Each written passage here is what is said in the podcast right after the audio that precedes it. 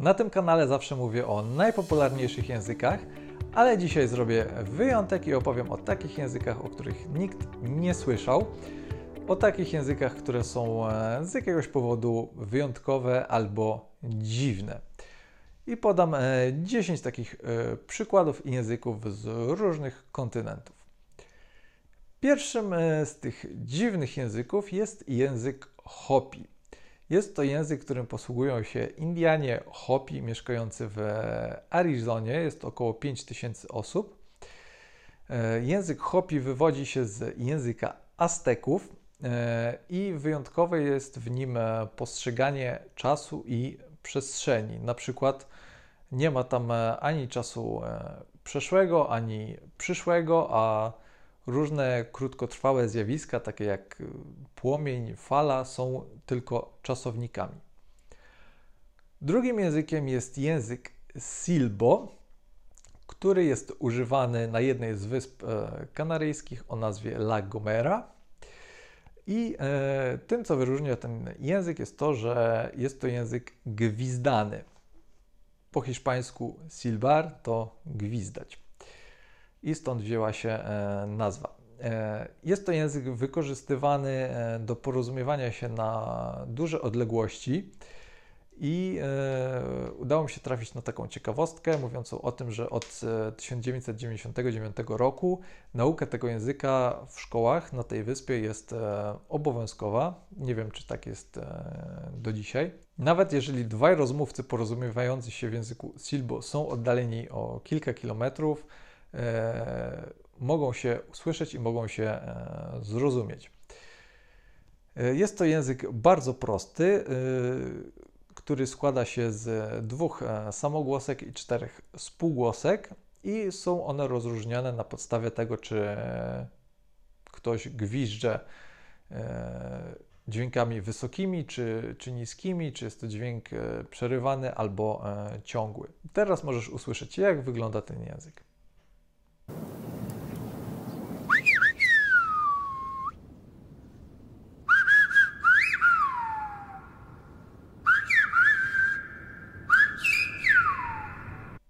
Kolejnym językiem jest język Piraha, którym posługują się Indianie z Amazonii. Ich plemię ma taką samą nazwę jak język. Język składa się z 11 głosek, ma tylko 3 samogłoski i a o. Nie ma w nim słów oznaczających liczby albo kolory. Stosuje się różnego rodzaju określenia opisowe, na przykład, że czegoś jest dużo albo mało albo że coś e, jest jak e, jasny liść, na przykład, żeby powiedzieć, że coś jest jasno-zielone. E, słownictwo w tym języku jest bardzo ograniczone. Mm, na przykład słowo oznaczające matkę albo ojca to jest właśnie jedno słowo. Nie ma określeń innych członków rodziny. Nie ma takich słów jak cześć, dziękuję, proszę i tak dalej. Ale y, mimo tej prostoty w słownictwie, y, odmiana czasowników, na przykład w tym e, języku, jest e, bardzo skomplikowana. I ten język ma również e, odmianę gwizdaną, więc przypomina trochę ten język, o którym mówiliśmy przed chwilą. Kolejny język to język Archi, używany w Dagestanie w Rosji. Charakteryzuje go bardzo duża nieregularność i podobno e, z jednego czasownika można stworzyć aż półtora miliona różnych form. Nie sprawdzałem tego, ale podobno osoby, które e, zajmują się tym językiem, e, doszły aż do tak dużej liczby. Jest to język dość skomplikowany, ma 26 fonemów samogłoskowych i e, mają one różne formy, różne odmiany, krótkie, gardłowe i, i wiele innych. Język ten długo nie miał e, formy pisanej, a od jakiegoś czasu używa się e, cyrlicy do zapisu tego języka. Rzeczowniki mogą mieć aż 10 przypadków plus 5 przypadków miejsca, więc w sumie aż 15. Język numer 5 to Gugu Yimitir. Mam nadzieję, że dobrze to wymówiłem. E, jest to język aborygenów z Australii, którzy mieszkają na północy tego kontynentu. Ciekawostką jest to, że słowo kangur pochodzi właśnie z tego e, języka. Jest to język, który ma tylko trzy samogłoski i u, a. I e, ciekawe jest w nim również to, że e, do opisywania położenia e, różnych e, rzeczy używa się kierunków geograficznych i nie ma tam takich słów jak na przykład lewy, prawy, więc żeby powiedzieć lewa ręka, to powiedzielibyśmy na przykład wschodnia ręka, jeżeli moja lewa ręka jest akurat po stronie wschodniej. Językiem numer 6 jest dialekt języka indonezyjskiego, czyli Riau. E, jest to język wyjątkowo prosty, który e, nie ma określonej składni i słowa można łączyć tak naprawdę w dowolnej kolejności.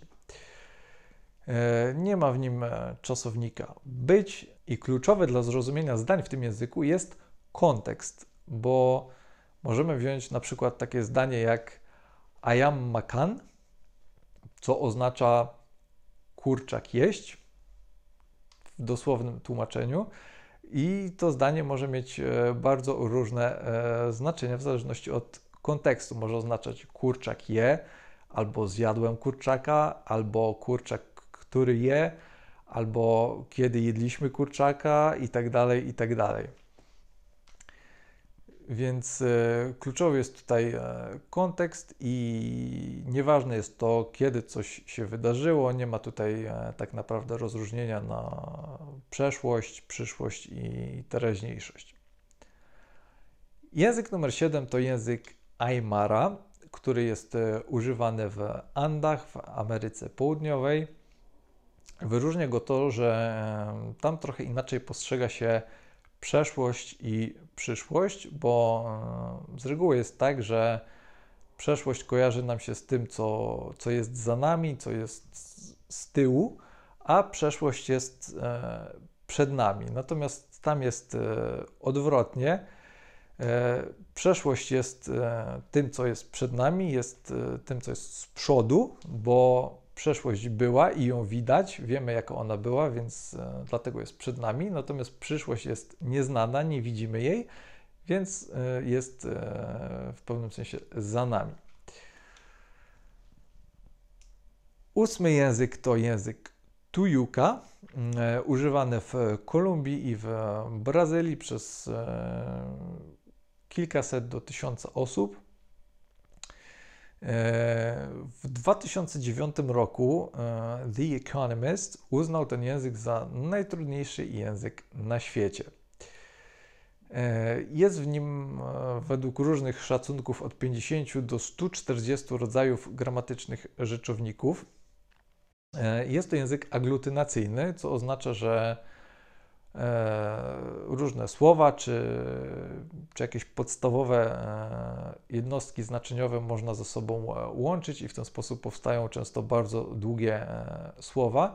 I to, co w języku polskim, czy angielskim, czy hiszpańskim wyrazilibyśmy za pomocą zdania składającego się z kilku słów, tam bardzo często jest jednym długim słowem. I ciekawe jest też to, że w formie czasownika jest zawarta informacja na temat tego, skąd coś wiemy. Na przykład, e, jeżeli powiem jakieś proste zdanie typu nie wiem, kobieta zjadła jabłko, to w formie tego czasownika zjadła będzie informacja na temat tego, skąd ja to wiem. Na przykład wiem, bo widziałem, jak zjadła to jabłko, albo wiem, bo tak mi się wydaje. E, więc jest to coś e, na pewno niespotykanego w innych językach. Przedostatnim językiem jest język, który ma różne nazwy, albo ta, albo kół. Jest to język używany w Afryce i wyróżnia się tym, że brzmi jak mlaskanie.